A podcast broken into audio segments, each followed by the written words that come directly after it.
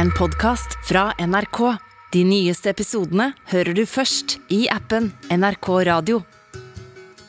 Når det virkelig klaffer, kan artister og musikken deres føles som det perfekte soundtracket til livene våre. Situasjonen vi er i her og nå. Om det så er fest, henging med venner om sommeren eller hjertesmerte. Og en sjelden gang blir det kjærlighetsforholdet til favorittartistene så sterkt at vi ikke klarer å se for oss et liv uten dem. Vi vil jo helst tviholde på dem, og gjerne beholde dem i akkurat den formen de var i når vi først forelska oss i musikken deres. Traveling, traveling, traveling, traveling, looking for something. Joni Mitchell er en sånn artist for veldig mange verden over. Hun har siden gjennombruddet for snart 60 år siden blitt hylla som et musikalsk geni og en av historiens beste låtskrivere.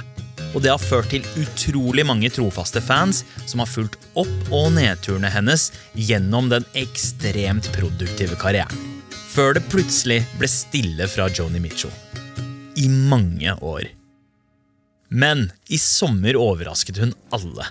For etter lang tid borte fra offentligheten var hun plutselig tilbake på scenen foran et publikum. Hvorfor fikk fans over hele verden hakeslepp da Joni Mitchell dukka opp igjen? Og hvordan ble den store hemmeligheten Joni bar på i flere tiår, både en drivkraft og en motstand i hennes kunst?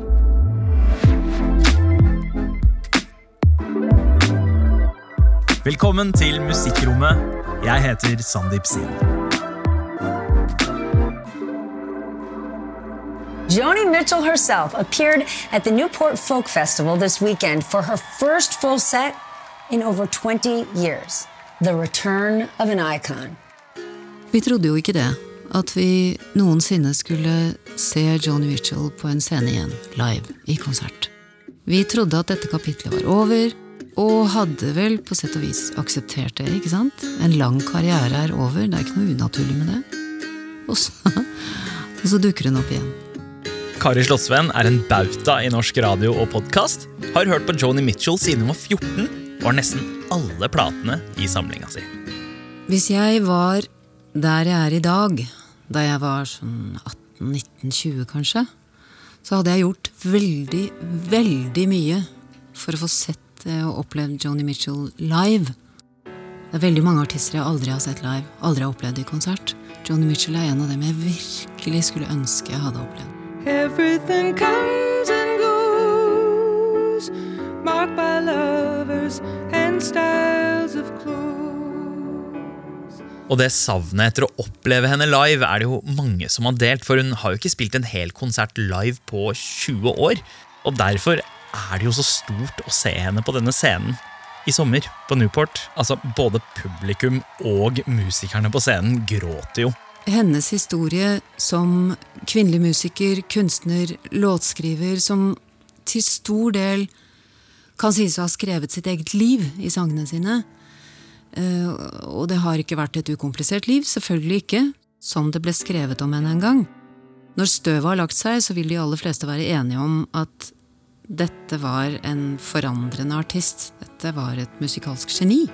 Men det var jo ikke gitt at eh, Joni skulle bli den giganten hun har endt opp som. For hun hadde jo ikke akkurat et lett utgangspunkt.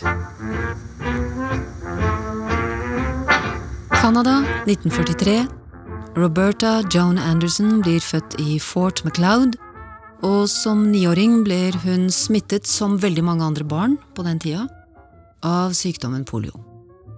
Polio kan gjøre nasty things med kroppen til den som blir syk. Du kan bli helt invalidisert.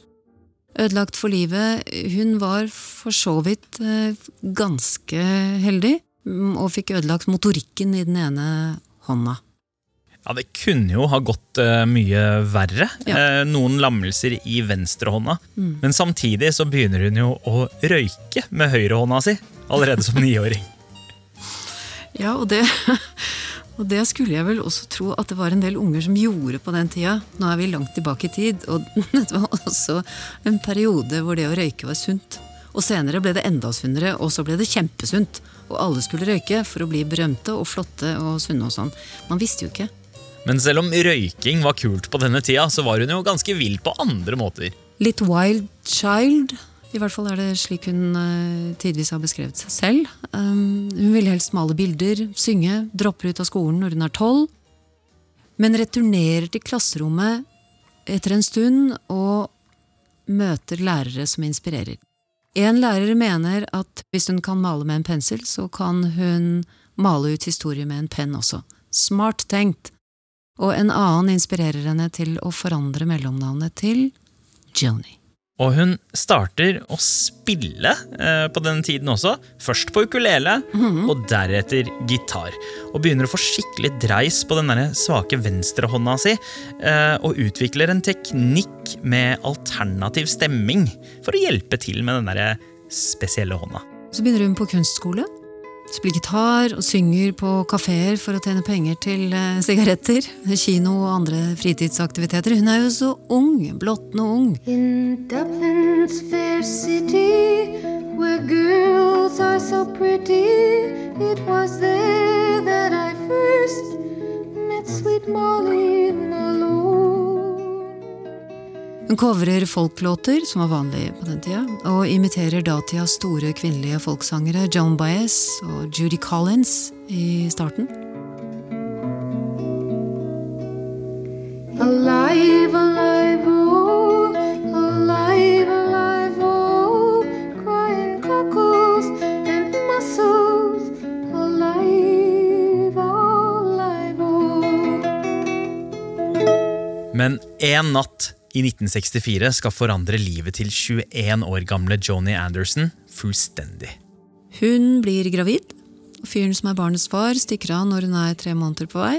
Og så er det jo greit å huske på at tidlig 60-tall eh, var det ikke nødvendigvis sånn at det var eh, akseptert i samfunnet ellers å få et barn utenfor ekteskap. Skambelagt, stigmatisert, kvinner og familiene deres kunne oppleve å bli utstøtt. Så når datteren til Joni Mitchell kommer til verden i 1965, blir hun nødt til å holde det skjult for omverdenen. Det høres rart ut i dag. Og Joni innser jo raskt at hun ikke klarer å brødfø både seg selv og datteren, og leverer da datteren til eh, fosterhjem, og er forståelig nok langt nede etter dette. Og det er jo en vanskelig ting, ikke sant? Å si farvel til sitt eget barn. Men så får hun et godt tilbud, og da også et lite håp om en gjenforening med datteren. For en slik singer-songwriter som heter Chuck Mitchell, vil ta henne med til USA og danne en duo med henne og gi henne et mer stabilt familieliv hvis hun også gifter seg med ham. Desperat etter å få datteren sin tilbake, så haster hun seg rett og slett inn i et ekteskap med Chuck, tar etternavnet hans og flytter til USA for å prøve musikerlykken der. Nå som Joni Mitchell. Det ekteskapet det ble ikke noe hyggelig. Hun lever med en mann hun egentlig ikke kjenner godt. The moment we were married, he intimated strongly that he had no interest in raising another man's child. So I was trapped. Og det blir bare verre.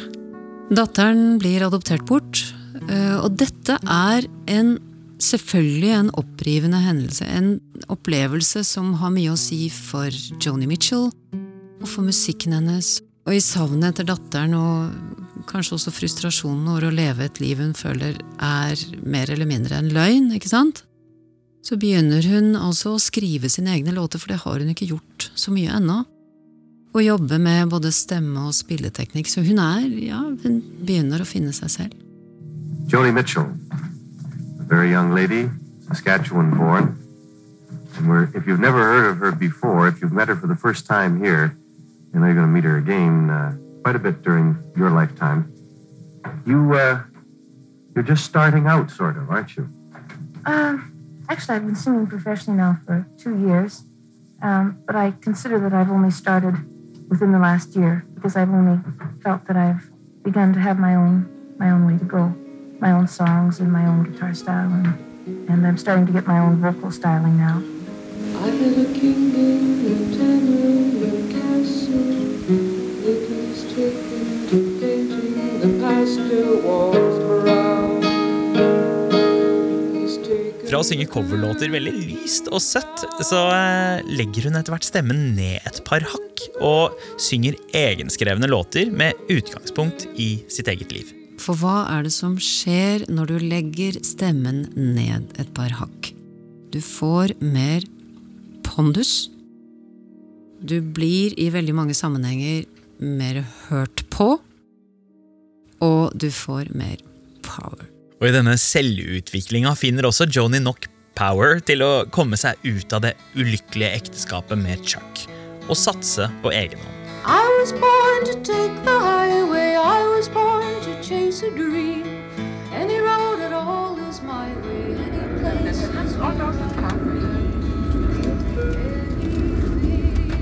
En dag etter at alt dette har skjedd, sitter Johnny Mitchell på et fly og begynner å lese Henderson The Rain King av forfatteren Saul Bellow. Og der, på noen av de første sidene, sitter hovedpersonen i boka, også i et fly. And there's a line in it that I especially got hung up on. It was about when he was flying to Africa. Og han kikker ut av flyvinduet sitt og ser ned på skyene. Og så tenker han for seg selv at i en tid der mennesker kan se begge sider av skyene, både nedenfra og ovenfra, burde de ikke være redde for å dø. And so I got this idea from both sides now. There are a lot of sides to everything, and, and so the song is called From Both Sides Now. Rows and flows of angel hair and ice cream castles in the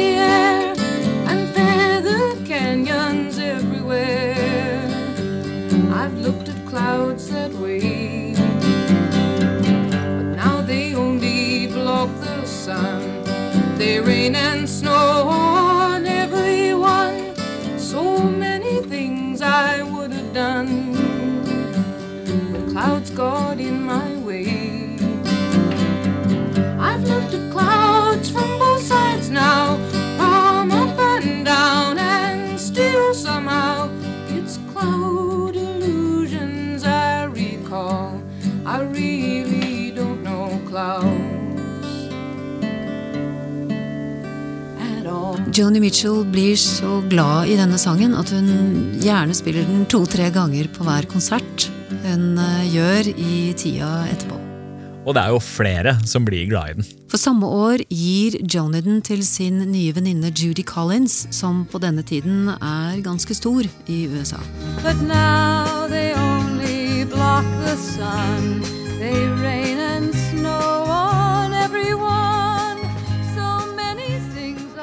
Og Judy ender opp med å få en Grammy for sin innspilling av Jonis låt. Og det er flere artister som gjør suksess med å spille Jonis låter.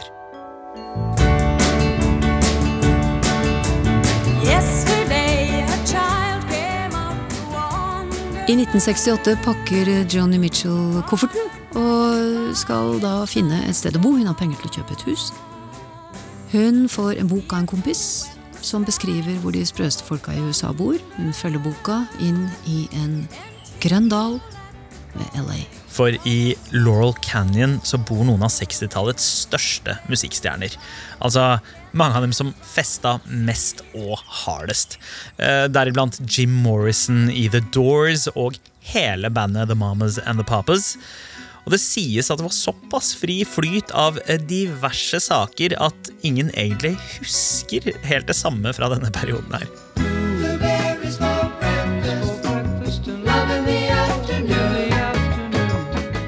Men Joni Mitchell selv elsker først og fremst at man ikke kan høre motorveiene fra LA ned i dalen. Og når hun flytter inn i et grønt lite hus i Lookout Mountain med store vinduer og utsikt mot Frank Zappas andedam der groupiene hans bader nakne, så er det jo på en måte Det går jo opp, da. Dette er jo eh, året etter hippietidas Summer of Love, og i Laurel Canyon er det en ganske fri og inkluderende levemåte. Der folk går inn og ut av hverandres hus, eh, de spiser sammen og spiller musikk sammen. Og det høres jo veldig hyggelig ut. Ja, det gjør det. Og nå har 25 år gamle Joni gitt ut sin første plate og blitt sammen med produsenten på plata, David Crosby. Og sammen med ham så blir jo hun med til andre folk i dalen, der hun har med seg gitaren sin. Og når Joni Mitchell åpner munnen, så blir folk nærmest hypnotisert. Fly, silly seabird, no dreams can possess you. No voices can blame you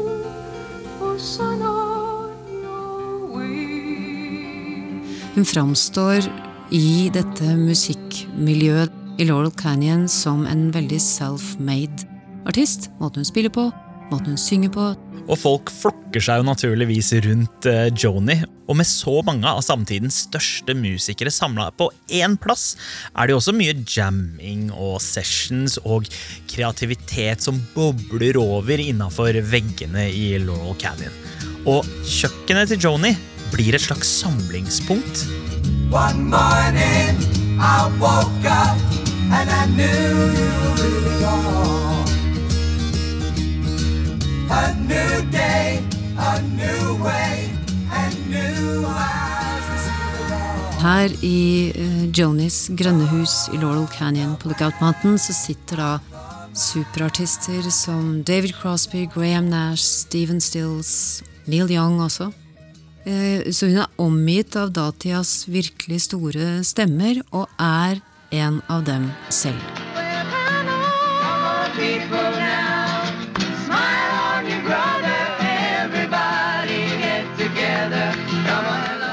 Den treningsleiren dette huset, dette miljøet, denne kretsen må ha vært, er på en måte nesten ikke til å fatte, fordi at de skrev jo låter til hverandre, for hverandre, med hverandre.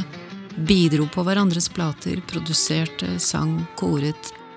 Alt dette her som man kanskje ønsker for et musikerliv, da. Og i et sånt uh, lukka miljø som dette, med kunnskapsdeling og spilling sammen, så oppstår jo en del bånd. Og noen Love. Ja, love. Og noen faller fra. Altså, Joni slår opp med David og blir sammen med Graham. Hun uh, skriver en sang til David Crosby, framfører den på en fest mens hun ser han inn i øynene, og som han sa seinere And then she played it again, just to be sure. You were shaking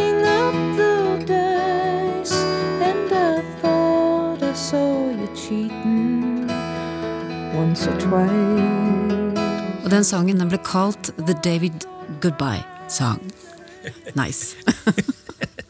De følelsesmessige koblingene her er mange av i dette lukka miljøet, men utafor Laurel Canyon så vokser jo populariteten. Og det begynner Joni å kjenne på, spesielt når karrieren hennes tar av når hun gir ut sitt andre album. Woke up, it was a Chelsea morning, and the first thing that I heard was a song outside my window, and the traffic wrote the words.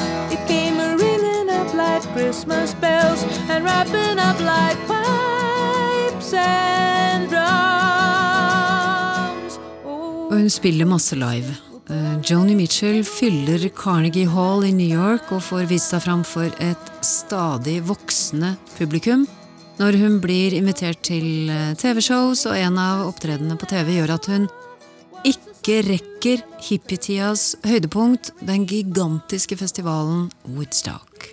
Å gå glipp av eh, den festivalen må ha vært tidenes eh, FOMO for Joni. Men det er en annen festival, den berømte folkfestivalen Newport i Rhode Island, som hun spilte på for første gang i 1967, men da gjentar i 1969. But now it's just another show. You leave them laughing when you go. And if you care, don't let them know. Don't give yourself away.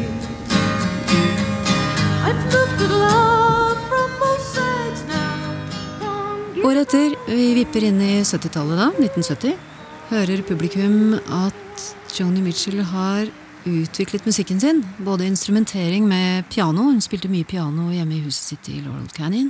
Men veldig mye i tekstuniverset, i selve tekstskrivinga. Og det som kjennetegner Joni Mitchells tekster helt fra start, syns jeg dette med at nesten hver og en av dem kan være starten på en novelle.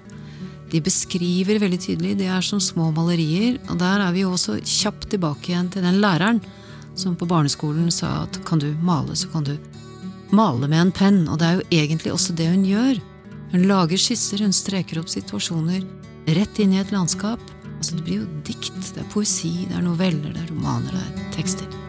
Trina wears her warm palm beats, She feels her drawing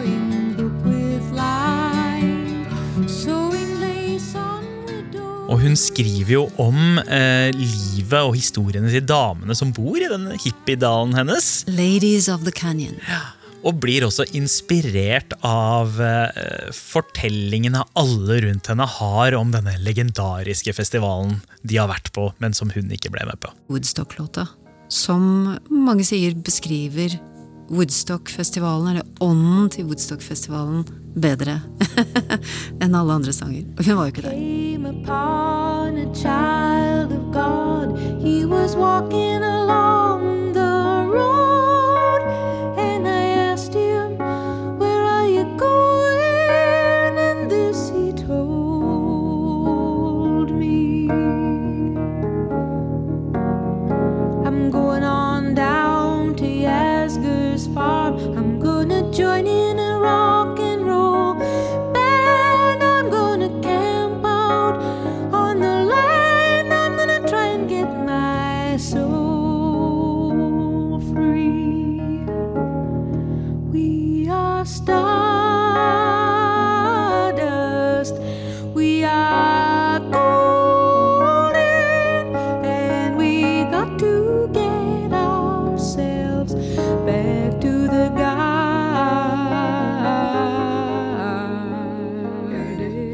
så har eh, Joni også med en låt om miljøkamp, eh, som ikke var det vanligste ennå, i hvert fall, i 1970.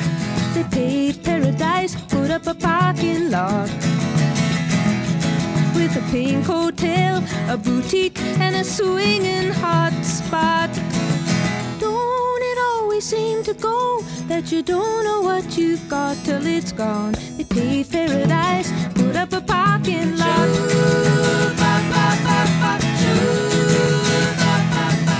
Men selv om karrieren hennes nå går i rakettfart oppover, og populariteten stiger, og hun vinner masse priser, så er hun personlig på vei langt ned i motsatt retning. På dette tidspunktet har eh, Joni Mitchell avslutta et kjærlighetsforhold. De bodde sammen i flere år og har jo skrevet låter om det, begge to. eh, Til Graham Nash. Og samtidig så kjenner hun en opplevelse av å være ukomfortabel med det å være berømt, det å bli gjenkjent, det å bli tilbedt og sånne ting. Og være da en stadig mer offentlig person. Hun opplever at folk setter henne på en pidestall, samtidig som hun selv kjenner at hun er shaky. Og der det kanskje ville ha vært naturlig for mange av oss å eh, heller reagere med å trekke seg vekk eh, og rømme fra folk, så tar Joni musikken sin enda et hakk lenger. Hun ønsker vel kanskje å gi publikummet sitt et mer ærlig bilde av hvem hun er, eller en, en gjenfortelling av det hun syns er viktig. Og noen av folka i kretsen rundt eh, Mitchell er skeptiske til at hun utleverer seg mye i tekstene, at de er så personlige, og da har hun svart at for å treffe nervene til lytterne, så må man tørre å trykke på sine egne. Just before our love got lost, you said, I am as constant as a northern star. And I said, Constantly in the darkness, where's that at? If you want me, I'll be in the bar. On the back of a cartoon coaster. In the blue TV screen light. Plata Blue med det episke blå bildet av Joni kommer ut i 1971. Og den plata her, som jo kanskje kan sies å ha det vakreste coveret, og noen av de vakreste låtene, og som jo også ble på sett og vis hennes største album. Dette er den plata de aller fleste har sittet på rommet og niøvd for å kunne klare å synge og spille.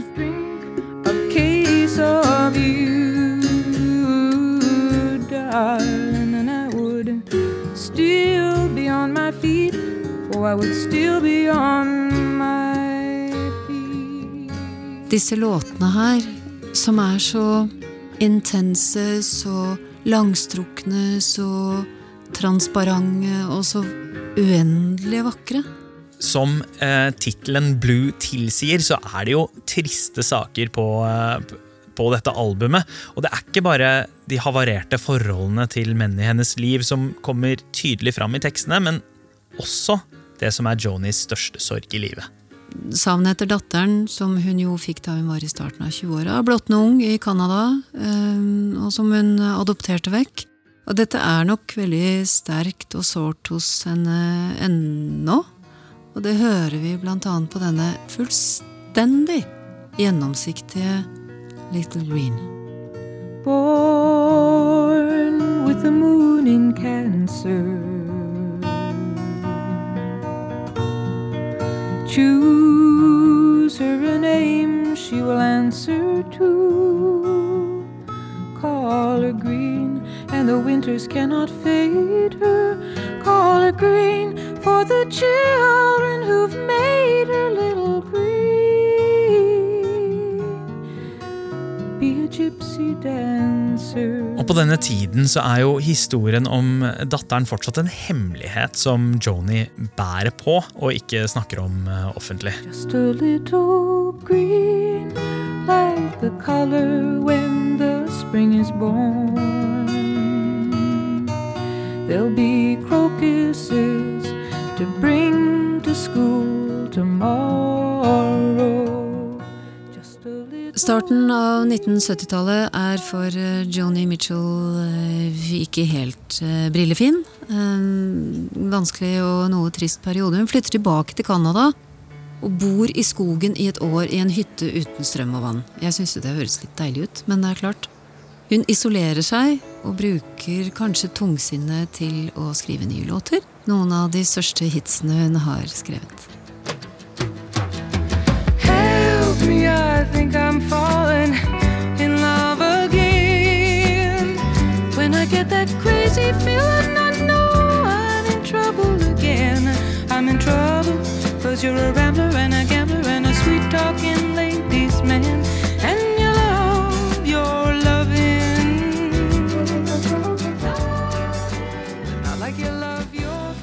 disse låtene bidrar eh, til å gi henne den største kommersielle suksessen hun har opplevd.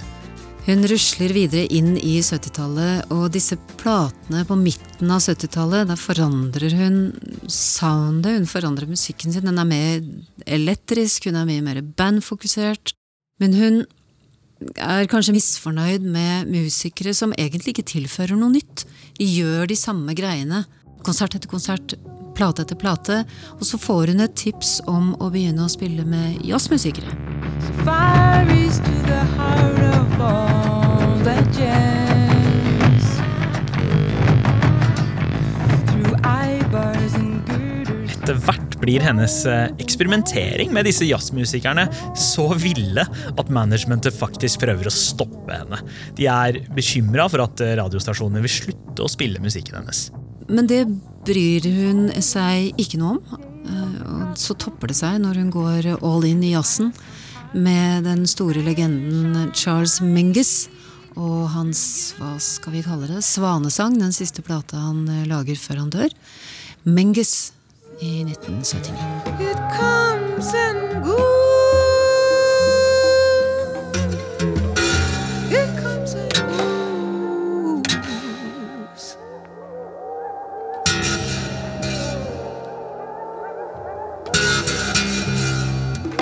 Men nå har musikkpressen gitt opp å skjønne hva hun driver med. Eller kanskje de egentlig ikke er noe interessert i å forstå det, har jeg tenkt. People are afraid of things they don't understand. Uh, in the rock community, I know my peer group was afraid of my playing with jazz musicians. They took it as a kind of a personal betrayal. They used to ridicule me for it, and and uh, some of them felt that I had pretensions to something that I wasn't. But you know, it's typecasting, really. I mean, w- when I was a kid in my in my teens, I loved to dance. You know, I was a rock and roll, mindless, happy-go-lucky dancing type. So you can imagine what that community of friends thought of me when suddenly I'm a folkie and I'm singing these like intimate little. They say, "What happened to her?" But the people who met me when I was singing like that, then when I went into jazz, they couldn't relate. So, I mean, if, if you're going to let people rule your life, you'll never come to your full development. Joni Mitchell er ute etter eh, utvikling, som en sann kunstner er. Man kan ikke stå på stedet hvil, og hun liker å holde seg oppdatert på hva som er det siste i samtida, lydmessig også. For eh, når eh, 80-tallet eh, har satt seg, så har jo Joni skaffa seg nye instrumenter. Hun leker seg med alle disse nye produksjonsmetodene, analoge så vel som elektroniske. I still have the desire to get further and further into symphonic composition because the synthesizers afford me, as an illiterate musician, the ability to hands on compose these things that I hear but can't write on the staff.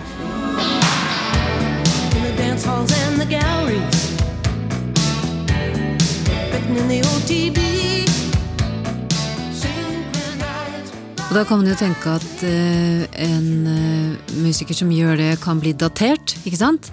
Å, det er typisk 80-tall. Å, her hører vi 90-tallet. Og så blir det der. Det er noe med at man faller fullstendig pladask for synt. Faller fullstendig pladask for synt trommer. Og så blir vi der. Det blir en tidslomme.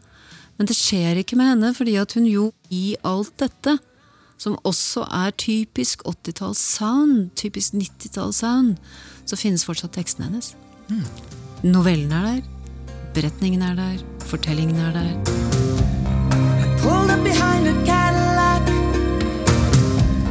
We were waiting for the light. I took a look at his license plate. It said just price. It's justice, just ice.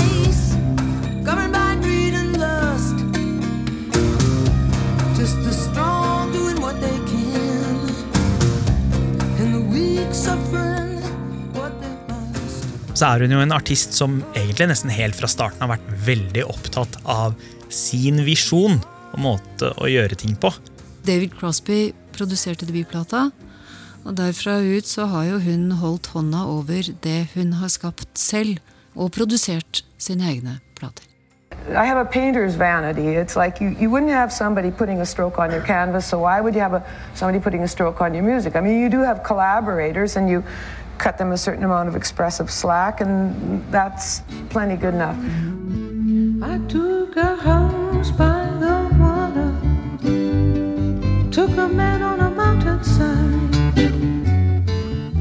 1993 har Joni Mitchell runda 50 år, og har nå vært en betydningsfull artist over halve livet. Og Kjendisstatusen som dette medfører, blir jo en grunn til at tabloidpressen begynner å grafse i privatlivet. Hun har jo hele tiden båret på en hemmelighet siden hun var en ukjent musiker hjemme i Canada.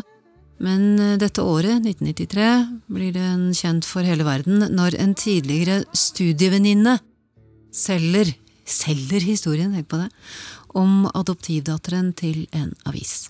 Og dette snur jo opp ned på livet til Joni. Det gjør fryktelig vondt, og hun opplever plutselig at ukjente kvinner påstår at de er adoptivdatteren.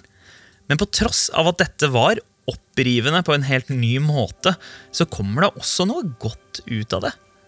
Hun har i mange år lett etter datteren, forsøkt å finne ut av hvor hun ble av, hvem som tok seg av henne, om hun har det bra, ikke sant? Det er jo sånn en mor vil tenke på.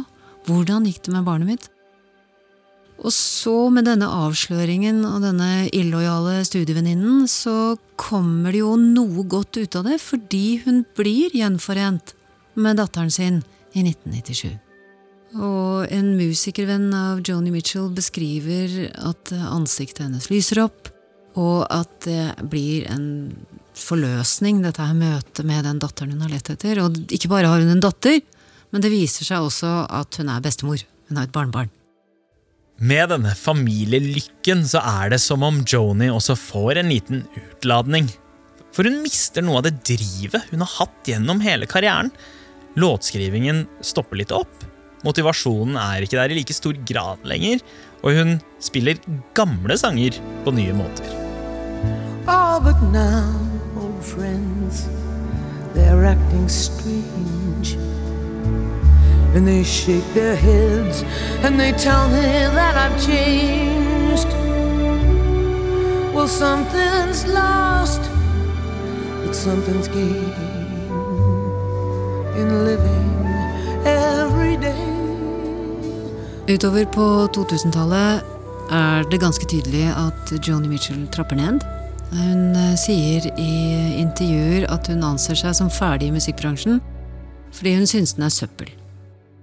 Hun gir likevel ut Shine i 2007, hennes siste album med nykomponerte låter. Og så pensjonerer hun seg raskt etter.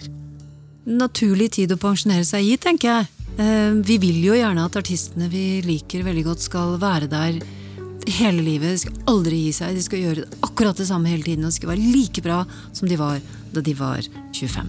Så det er en helt naturlig ting. eh, Men hun får også etter hvert større og større helseproblemer, som topper seg i 2015. Singer-songwriter Joni Mitchell was found unconscious in her home and was rushed to the hospital on Tuesday. Og verden tror jo at hun er døden nær. Det trodde vi jo. At hun eh, ikke skulle overleve det. Det var ikke så store sjanser for den en stund heller. Og så tenkte man at man ikke kom til å se henne igjen. Naturlig nok. Hold nothing back in this moment. Please welcome back to the Newport stage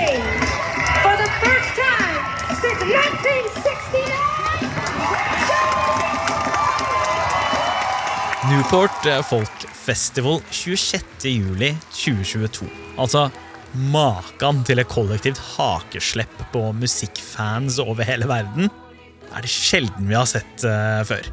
Det som egentlig bare skulle være en jam session med Brandy Carlisle og venner, viser seg å ha en overraskelse uten like. Joni Mitchell er tilbake. Then the child moved ten times round the season. Yes.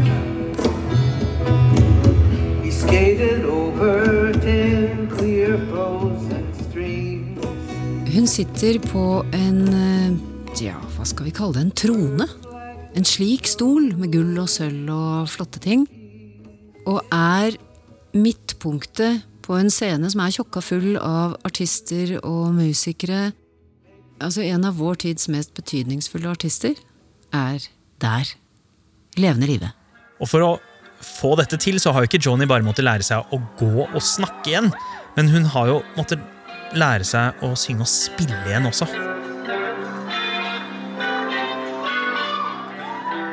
Hun har det. Hun har sett på opptak og filmer av seg selv spille gitar på YouTube. Repetitivt om igjen og om igjen og om igjen. I'm, I'm learning. I, I'm looking at videos that are on the net to see what where I put my fingers. You know. Og sier at det er slik hun har blitt minnet om hvordan hun selv spilte. Så hun har altså vært sin egen gitarlærer. How to get out of a chair? You don't know how to get out of Yeah. bed. You don't know how. Yeah. You know, you have to learn all these things by rote again. You know. Det er jo nesten som om hun har stått opp fra døden. Og både lyden og synet av Joni på scenen rører et eller annet i alle som er der. Rose and flows of angel hair. And ice cream castles in the air. Når hun framfører Both Sides Now, som hun jo skrev før hun slo igjennom, så får dette her en ny dimensjon, og det er ikke rart. Hun er 78 år gammel, hun skrev den sangen til seg selv. Hun var oppe i et fly, hun var på vei inn i et annet liv. Og nå får den sangen helt naturlig en helt annen mening. Når hun selv er 78 år gammel, og People Say I've Changed.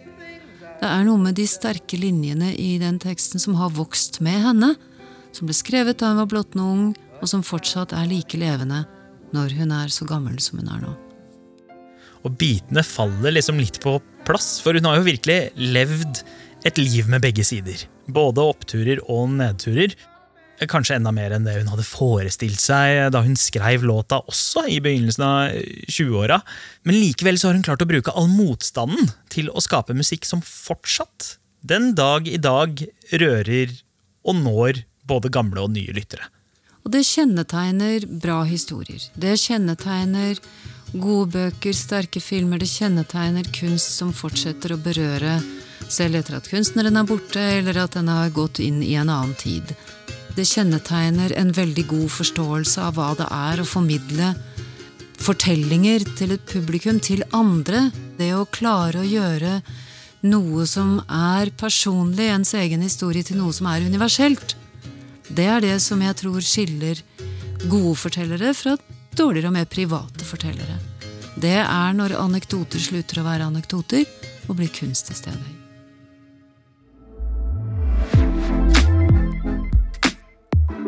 Du har hørt en episode av Musikkrommet. Hvis du likte det du hørte, anbefal oss gjerne til en venn. Takk til gjest Kari Slottsveen. Denne episoden er laget av Jean Kristin Sena, Amund Grepperud, Nils Vingerei og meg, Sandeep Singh. Redaksjonssjef er Daniel Ramberg. Du har hørt en podkast fra NRK. De nyeste episodene og alle radiokanalene hører du i appen NRK Radio.